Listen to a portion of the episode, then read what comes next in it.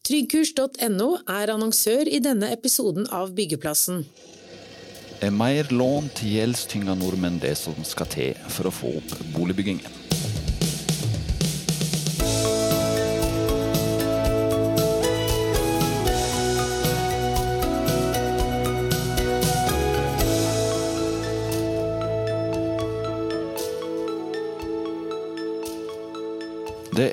Full brems i boligbyggingen. Boligbransjen advarer om en prisrekyl som venter rundt neste sving. Og nå har Boligprodusentenes forening foreslått at nordmenn må få høyere lån dersom de kjøper ny bolig. Er det en god idé? Det er det vel lov å anta at minst én av dagens to gjester synes. Dere skal få lov til å presentere dere sjøl. Det er Lars Jakob Him, administrerende direktør i Boligprodusentenes forening.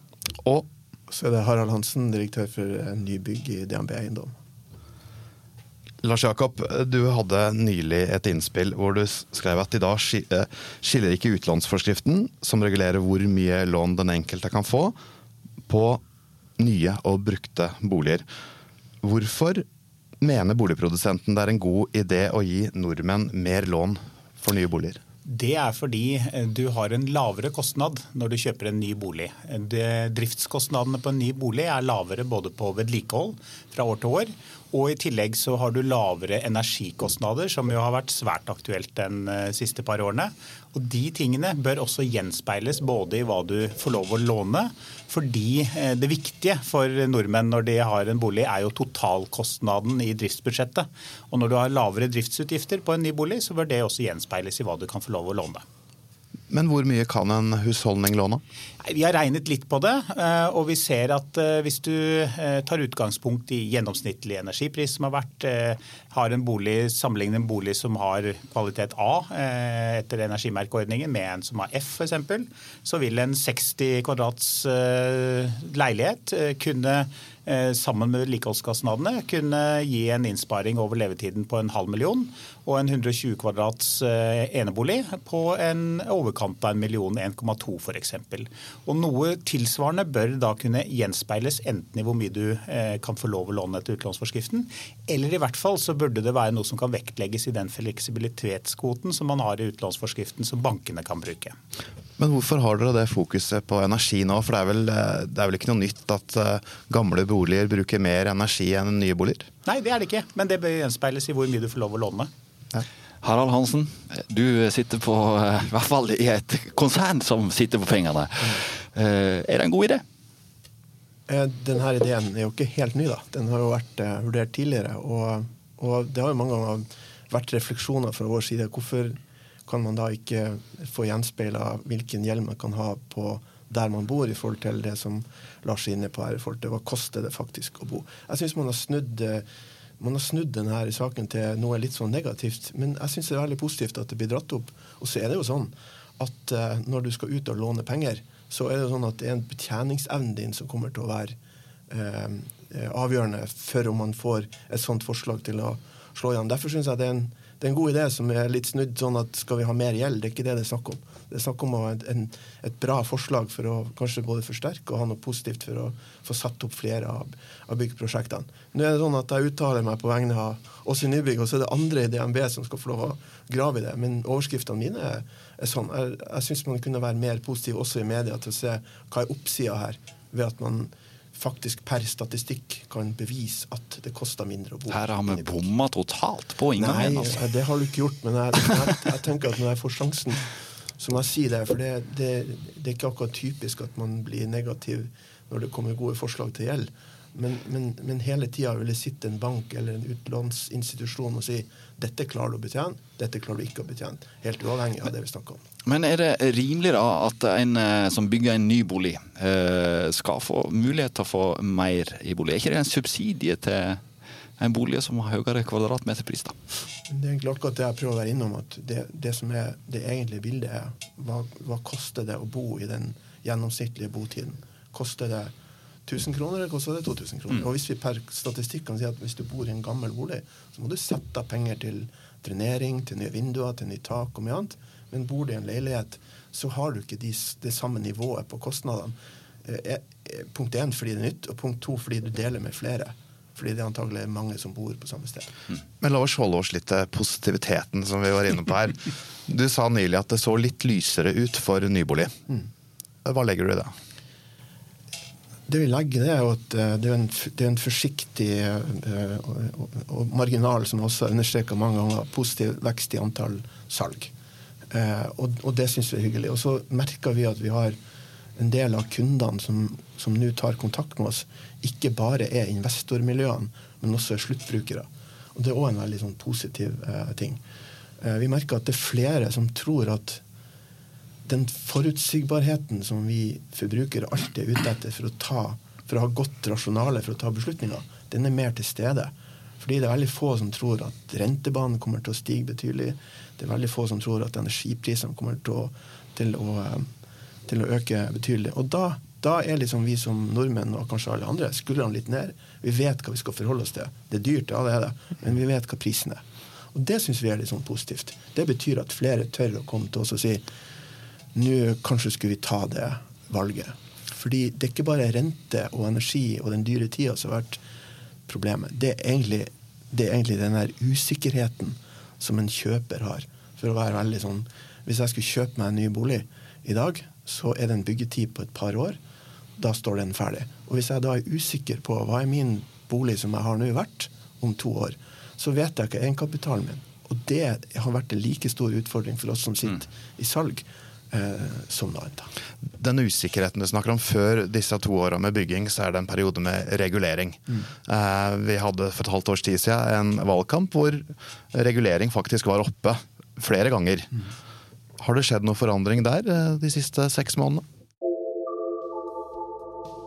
Tryggkurs tilbyr kurs og opplæring til byggeindustrien innen sertifisert og dokumentert sikkerhetsopplæring, HMS, brannvern, industrivern, førstehjelp, HR og GDPR.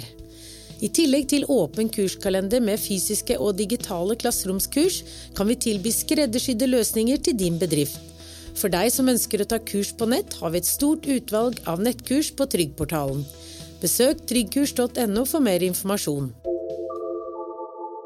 Nei, det har det ikke. Som den oversikten vi har når vi er i kontakt med de store utbyggerne, så har nok de et inntrykk av at det er lettere å være i opposisjon enn i posisjon.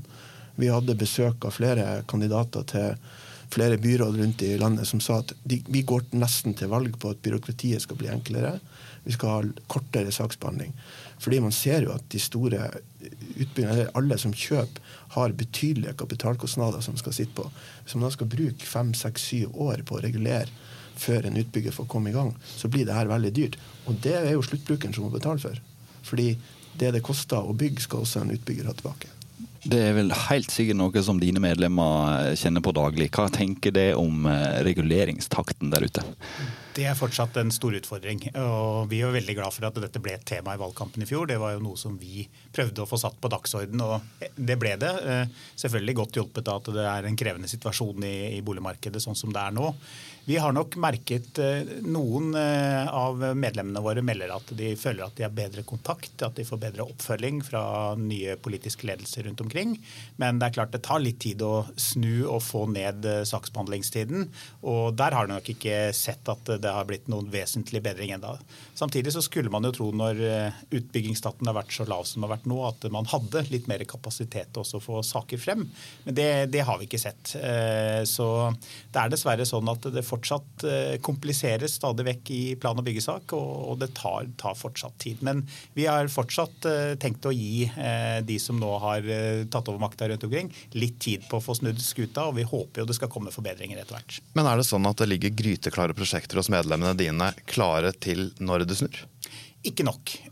Det har vært en utfordring at det ikke ligger for mange prosjekter klare. Noen prosjekter har blitt utsatt, sånn som, sånn som, det har vært. Utfordringen med de er jo gjerne at de er kalkulert på helt andre kostnader, ikke minst på å bygge. Og Det gjør at de prosjektene ikke nødvendigvis bare kan starte sånn som de ligger, fordi man har fått en annen situasjon eh, som gjør at de også må trolig justeres for å komme i gang med dem. Hva med deres kunder, Harald? Har de mange prosjekter som så å si er good to go? At vi har, Gjennom tida vi har hatt nå, så tenker jeg at DNB blir en sånn bra mast å, å, å bitte seg til når tidene er dårlige, fordi vi er en trygg aktør. Og det har gjort eh, Både det og selvfølgelig korpset mitt gjør at vi har en ganske mye høyere portefølje nå enn vi hadde før vi gikk inn i denne tida. For vi har jo hatt både pandemi og ikke minst en krig i Europa som har påvirka alle leveransene til, eh, til, de som er utbyggere. Og så må jeg fort med å si jeg er enig i det Lars sier her i forhold til det politiske miljøet. Jeg er, veldig spent. Det er selvfølgelig en tankebåt som skal på en måte snus, men jeg tenker at her er det viktig at vi skal lykkes sammen om at ikke den norske boligmodellen blir angrepet, sånn at man får andre ubalanser i dette markedet. Så er det viktig at politikerne eh, eh, walk the talk. Du er litt bekymra for uh, at, uh, at, bruktmarkedet at Dette med å kjøpe og selge først, hva gjør en først? Hva slags rekkefølge kommer det i? Ser du en endring der? Jeg ser at det er noen endringer. At noen sitter på gjerdet gjennom den vanskelige tida og gjerne vil selge før de kjøper. Mm. Og, og, og, det er jo en helt annen måte enn det markedet alltid har sånn markedet alltid har fungert. Og det er litt sånn skremmende utvikling òg, fordi det vil jo påvirke det totale eh, utbudet. Altså mm. hvis du skal kjøpe deg noe nytt, og så ligger det ikke noe ute der eh, som du gjerne vil ha, eh, så vil det skape en annen markedsbalanse enn det, vi har hatt da. Vi, vi, tror jo at det fremdeles er sånn at markedet kommer på et eller annet tidspunkt til å fungere mer normalt. Men det har vært det i veldig krevende tid. Mm. Nettopp pga. det du er inne på.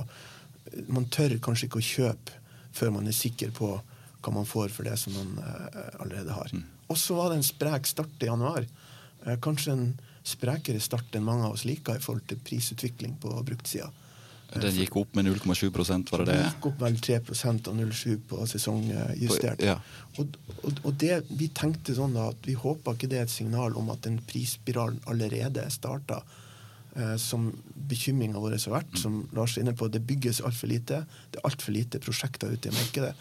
Og så er det jo sånn at Livssituasjonen vår endrer seg jo ikke hvis de økonomiske rammebetingelsene seg, Altså Bosituasjonen vår vi, vi, får flere barn. vi Barna flytter ut. Noen dør, og noen blir enslige, og noen gifter seg og, og skal endre bosituasjonen. Derfor er det et latent marked der ute mm. eh, som gjør at markedet er til stede, men men vi er litt redd for at prisgaloppen skulle bli høy. Og som Lars er inne på, eh, februar ser litt flatere ut.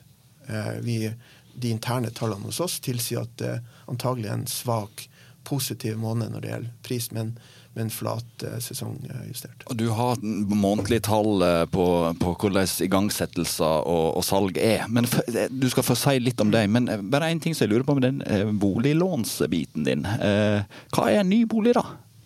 Nei, Det er selvfølgelig noe som man må ha en eh, definisjon på. Men jeg tror ikke det, det er problemet. Klart. Nei, vi har ikke den klar. Vi har bare regnet litt på hva kan konsekvensen være, eh, og hvor mye kan du betjene. For det er jo det som er viktig. Hva er det du bruker hver måned da, på boligen din? Det er jo det som teller for forbrukerne og hver og en av oss.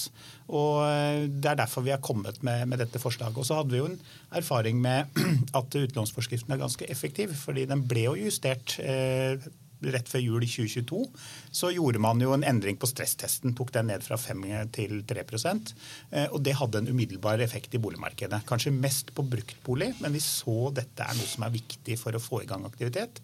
Og så er det jo endog sånn da at du kan si, som du var inne på, at dette er en subsidie av nybolig, men det er jo det vi faktisk trenger litt. da. Og dette er en subsidie som ikke koster statsbudsjettet noe. Så mm. den er ganske effektiv. Og i tillegg så er det ikke noe som koster noe på statsbudsjettet. Og det har egentlig ikke noe å si for hver enkelt av oss som skal betjene vår månedlige utgifter på bolig heller. Mm. Så jeg mener dette er et ganske effektivt virkemiddel. Vi klarer å finne definisjonen på grensegangene på hva som er ny og ikke ny. Det, det tror jeg ikke er det største problemet. Jeg tror jeg hadde vært ganske sur hvis jeg hadde sett meg en seks år gammel bolig, og så går grensa for fem. men, men, men uh, uansett. Uh, talla. Uh, du òg sier, når du la fram uh, tallene for januar nå i februar, så var det bedre enn på lenge. For du har gått gang på gang på gang på talerstolen her med ganske dystre tall. Jeg har jo, eh, etter at jeg tok over i Boligprodusentene mai eh, 2022, så har det jo bare vært negative tall. Så er det din, din feil, si? Hvis jeg hadde vært fotballtrener, så hadde jeg vel allerede hatt sparken. Det er liksom sånn, sånn situasjonen har vært. Men jeg har ikke tatt alt ansvar for det. Det må jeg innrømme. Det har vært noen andre årsaker til, til dette også. Så det var hyggelig å kunne melde om en liten positiv trend. Men ja. vi er jo ikke der vi skal være. Overhodet ikke. Vi er på et alt altfor lavt nivå.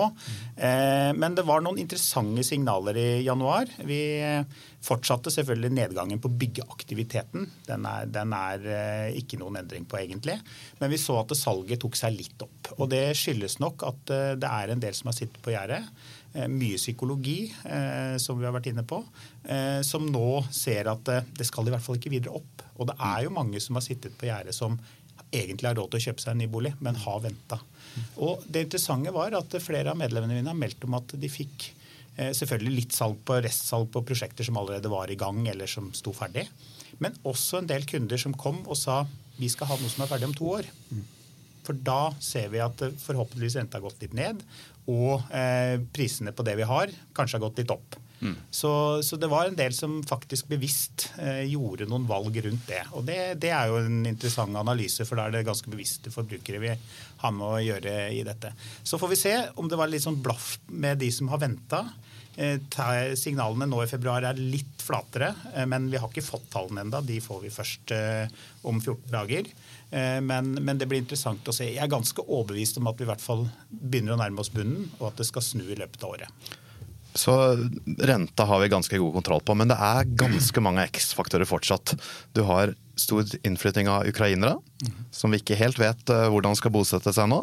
Du har EUs bygningsdirektiv, som vil kreve mye av, av, kapasitet. Så har du et bemanningsdirektiv, som vi heller ikke har sett hvordan fungerer i en heit økonomi. da. Er det sånn at vi, og det har vært snakka om en perfekt storm. At vi har hatt en perfekt storm. Er det sånn at den stormen bare bygger seg opp? Vi er fortsatt i det jeg vil kalle en krise for nyboligmarkedet. Vi er på et altfor lavt nivå, og det er mange usikkerhetsfaktorer om når vi klarer å snu dette. Jeg pleier å si at jeg ikke er en prognosemaker, men jeg håper dette skal snu i løpet av året. Men det er mye, mye usikkerhet, som du er inne på. Eh, jeg tror eh, det viktige er at man får i hvert fall en stabilitet rundt renta. Jeg tror en rentenedgang når vi får den, er jo Det ser ut som det kan ta litt tid, og den skal ikke mye ned, men uansett, det vil være viktige signaler inn i dette. Bygningsenergidirektivet tror jeg tar litt lengre tid før vi får konsekvenser av.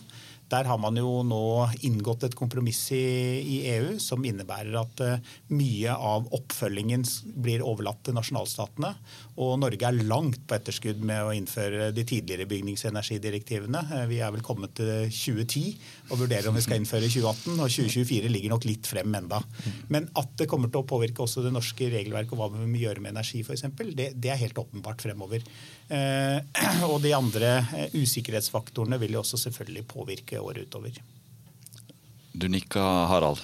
Ja, er, er du bekymra for bygningsdirektivet og hva det gjør med huset ditt? Eh, det blir veldig spennende, spesielt i forhold til energiklassene. hvordan det her skal se ut. Men det er jo gode, veldig gode resonnement, og det er jo det samme som vi, som vi ser hos oss. Vi, nå har du sikkert mer oppdaterte tall enn meg, men vi ser jo opp mot en 40% lavere praktisk og faktisk igangsetting av prosjektene sett mot vedtatte igangsettinger.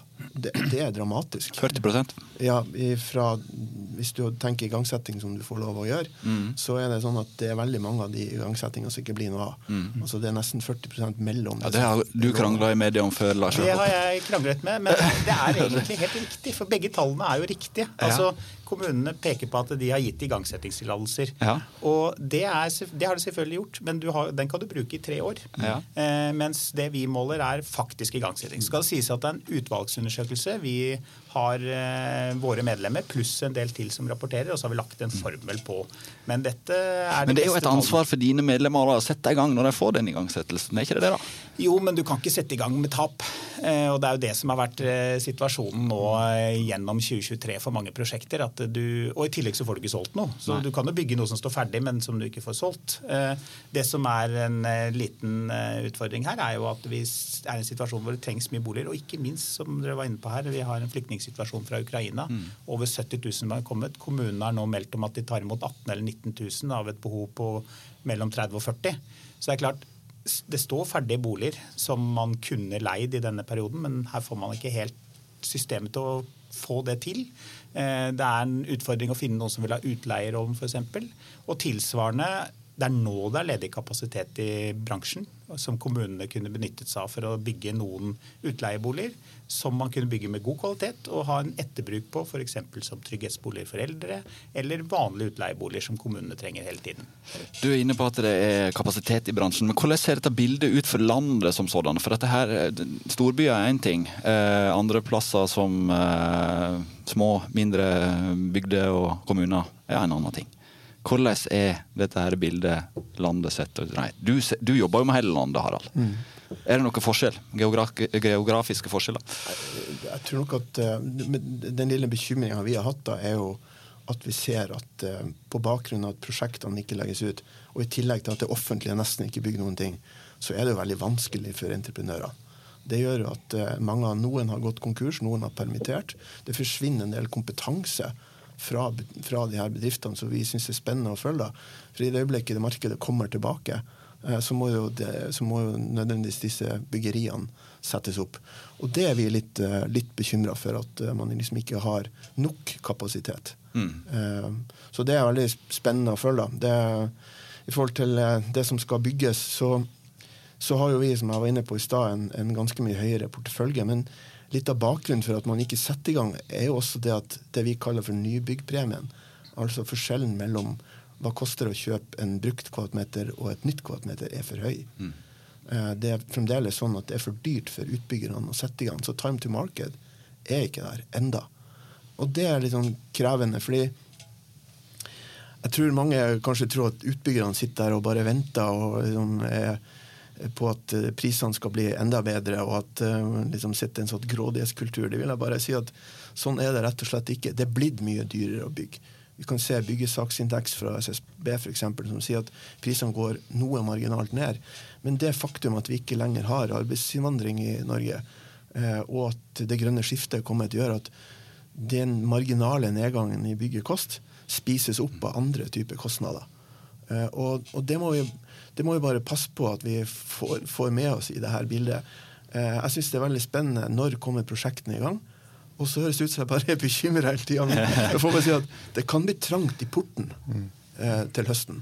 Fordi i det øyeblikket at alle ser at markedet er litt tilbake, litt mer forutsigbarhet, vi har mer tro på det som skjer, fordi psykologien spiller veldig inn her, så er det mange som vil ut samtidig. Og Det må vi også passe på å være gode rådgivere på. Når, og da blir det trangt i den byggeporten du snakker om. Marked, ja. Ja. Du sier til høsten. Er det da du forventer at det snur? Nei, jeg, jeg, jeg tror vi skal være veldig forsiktige med å si det. Vi, vi er, både jeg og og Lars her er nok yr fordi vi ser noen plutselig noen hyggelige Jeg begynte min jobb 1.1.22, sånn at vi, ja. vi, har bare, vi har bare opplevd Det er er Et eller annet her som uh, skurrer. Så jeg tenker, at, uh, jeg tenker at det positive som skjer nå, er jo når vi, vi håper uh, blir bedre. Og så tror vi at uh, 25 kanskje blir et annet år. Og så er det litt sånn at vi, det her biter oss egentlig ikke ordentlig i halen før i slutten av 25 og inn mot 26, når en del av byggeriene skulle stått ferdig da vil den mangelen på boliger, som jeg er enda mer bekymra for enn prisutvikling, gjøre seg gjeldende. Vi snakker alltid om 90-tallet og bankkrise og alt sånt, og det har skjedd masse ting etter det, og bankene er langt eh, strengere regulert nå enn den gangen. Men eh, bankene sin risiko, da? Hvordan vurderer det risiko nå i, eh, i disse tider her, sammenligna sammenlignet med tidligere? Ja, som jeg er inne på, så må vi bare passe på at banken, DNB kan få uttale seg mer konkret. men men hvis du spør, Jeg har vært med rundt finanskrise, og vi har vært med nå. Jeg tenker at den krisa som vi har nå, i det markedet som vi jobber i, er dypere enn finanskrisa var. Fordi eh, finanskrisa så, så var det f.eks. sånn at det var, det var mindre tilgjengelig eh, midler der ute for bankene for faktisk å låne ut. Eh, mens i dag så har vi et, et annet stort problem med, med mangel på råstoff, med mangel på muligheter for bygg og høyere pris, som gjør at eh, jeg tenker at eh, det her egentlig verre enn det var. Men for bankene sin del så har jo de marginale eller skråstrek ingen tap på, eh, på eh, boligsektoren, så er det de låner ut til, til bolig. Mm. Det er jo strengt regulert. Så vi er inne på i stad, så er det betjeningsevne og annet som, mm. som, det handler om. Så jeg tror ikke bankene kommer noe dårligere ut. Men det er viktig at vi passer på farta og, og, passer på å ta vare på forbrukeren. Fordi den gjeldsveksten som har vært, vi ser jo den når vi selger og og tar ut eh, hvilken gjeld folk faktisk har, er jo betydelig høyere. Det var jo nettopp det jeg sa innledningsvis, som du slakta ned. Nei, jeg gjorde ikke det, for du stilte spørsmål på en annen måte, Frode. Det var ikke liksom eh, det var ikke det, det, var ikke det jeg sa. Nei, det var ikke det du sa. Men- men det er vi, viktig vi journalister klarer å vri om på det meste. Er, men det er et viktig poeng at det var en, altså Den nedgangen vi hadde i, under finanskrisen var primært en bankkrise. Og den var jo egentlig ikke norsk, den var jo litt importert. altså Man fikk liksom de samme problemstillingene i Norge. Men da var det jo, som vi var inne på tidligere, da sto det jo klare prosjekter. Så det var ganske enkelt å komme i gang igjen, fordi det var ikke den kostnadsutfordringen, var ikke de andre utfordringene rundt. Nå er det mer komplekst, og det ligner nok mer Djupere krise, som man sier. og som gjør at vi kan dra det med oss lenger, og som nok ligner mer på slutten av 80-tallet, begynnelsen av 90-tallet, sånn i utgangspunktet. Så det er derfor vi er også opptatt av å få litt drahjelp av myndighetene, sånn som situasjonen er nå. Som man også gjorde den gangen og under finanskrisen, bl.a. for å bruke Husbanken effektivt, sånn som situasjonen er. Og Det ser vi, det er jo for så vidt også interessant, da vi ser at Husbanken nå brukes massivt av medlemmene våre. Er, vi fikk jo økt rammene til Husbanken på det som heter boligkvalitetsordningen, som er den som treffer best på å få i gang boligbyggingen. Og nå er vel eh, den i ferd med å tømmes før påske. 9 milliarder har man fått inn søknader på nå til Husbanken eh, de første par månedene i år. Og det vil gi nesten ja, jeg tror det var mellom 2700 og 2800 boliger. Jeg hørte Så din det- forgjenger, Per Jeger ville eh, Var det 15-20 milliarder han ville øse inn i, i Ja, men altså, hvis vi skal følge opp det tempoet som er eh, på, på søknadsmassen nå, så må vi nok øke i hvert fall med 10 milliarder i løpet av året, hvis det ikke skal gå tomt. Det vil være veldig dumt om vi nå stopper det eneste, så, eller i hvert fall et viktig virkemiddel for å få i gang byggingen, eh, byggeaktiviteten og holde den i gang. Og så er det selvfølgelig den bekymringen vi har for de som skal inn i boligmarkedet som førstegangsetablerere. Mange av de kjøper ikke ny bolig, men det fører til flere transaksjoner.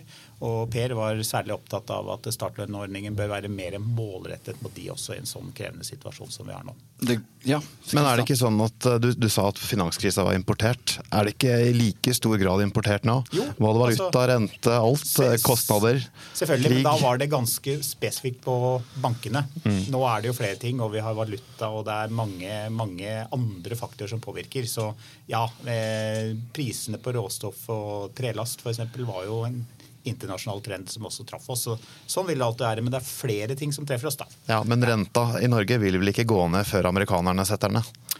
Det skal ikke jeg ha noen store analyser av, men det er klart dette er internasjonale markeder og som har noe med valuta blant annet å gjøre, som, som nok fort eh, er viktig, ja. Spennende. Jeg pleier å starte mine innlegg med å si at eh, de som vet, de lyver. og det er det som er inne på. Derfor er det spennende og veldig lærerik tid. da. Eh, og så tenker jeg de, de lille positive veksten vi har hatt, har jo vært noe investorprega, de, de kjøpene som har vært gjort. Det er også noe å, å merke seg. fordi sluttbrukeren er nok i et lavere antall. Og hva betyr det? Jo, det betyr jo at også investorene ser at om et par år så vil boligmangelen på nybygg spesielt være stor. Eh, Så man gjør jo ikke det for å være grei med utbyggere, eller noe annet. man gjør det fordi at man ser at det er en trend som kommer til å treffe oss om halvannet til to år.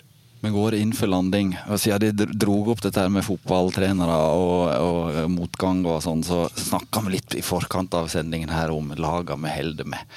Og da må jeg eh, snakke om Årdal FK nå. Slå på TV 2. Jeg skal ikke drive reklame for andre medier, altså, men akkurat denne gangen må jeg slå på TV 2. Årdal FK. Og så vet jeg at du eh, heier Nei, hva det heter Alt for Årdal, heter det. Og du har en sesong du gleder deg til nå, eh, Harald. Hva er ditt lag? Mitt lag er jo Bodø-Glimt. Jeg har jo både vært formann i klubben og spilt, og vært dommer, og hva jeg ikke har gjort for den klubben. Og det er den der euforiske stemninga vi har på Aspmyra. Ja. Litt regndugg, litt mørkt. Lyskasterne står på, og så knuser vi Roma. Tenk deg det, da. Det kommer til å gå kjempebra for DNB i 2024. Det kommer til å gå verre for boligprodusentene, for du har et annet lag. Jeg holder med Skeid. Jeg har hatt eh, begge mine barn har spilt der, og eh, de rykket ned i år, så det var ikke akkurat noen stor, stor seier. Men vi kommer satser på at vi kommer tilbake igjen neste år og kommer oss opp i, hvert fall i førstedivisjon. Der, der vi hører hjemme. Jeg holder meg til ishaller, der er det stabilt kaldt.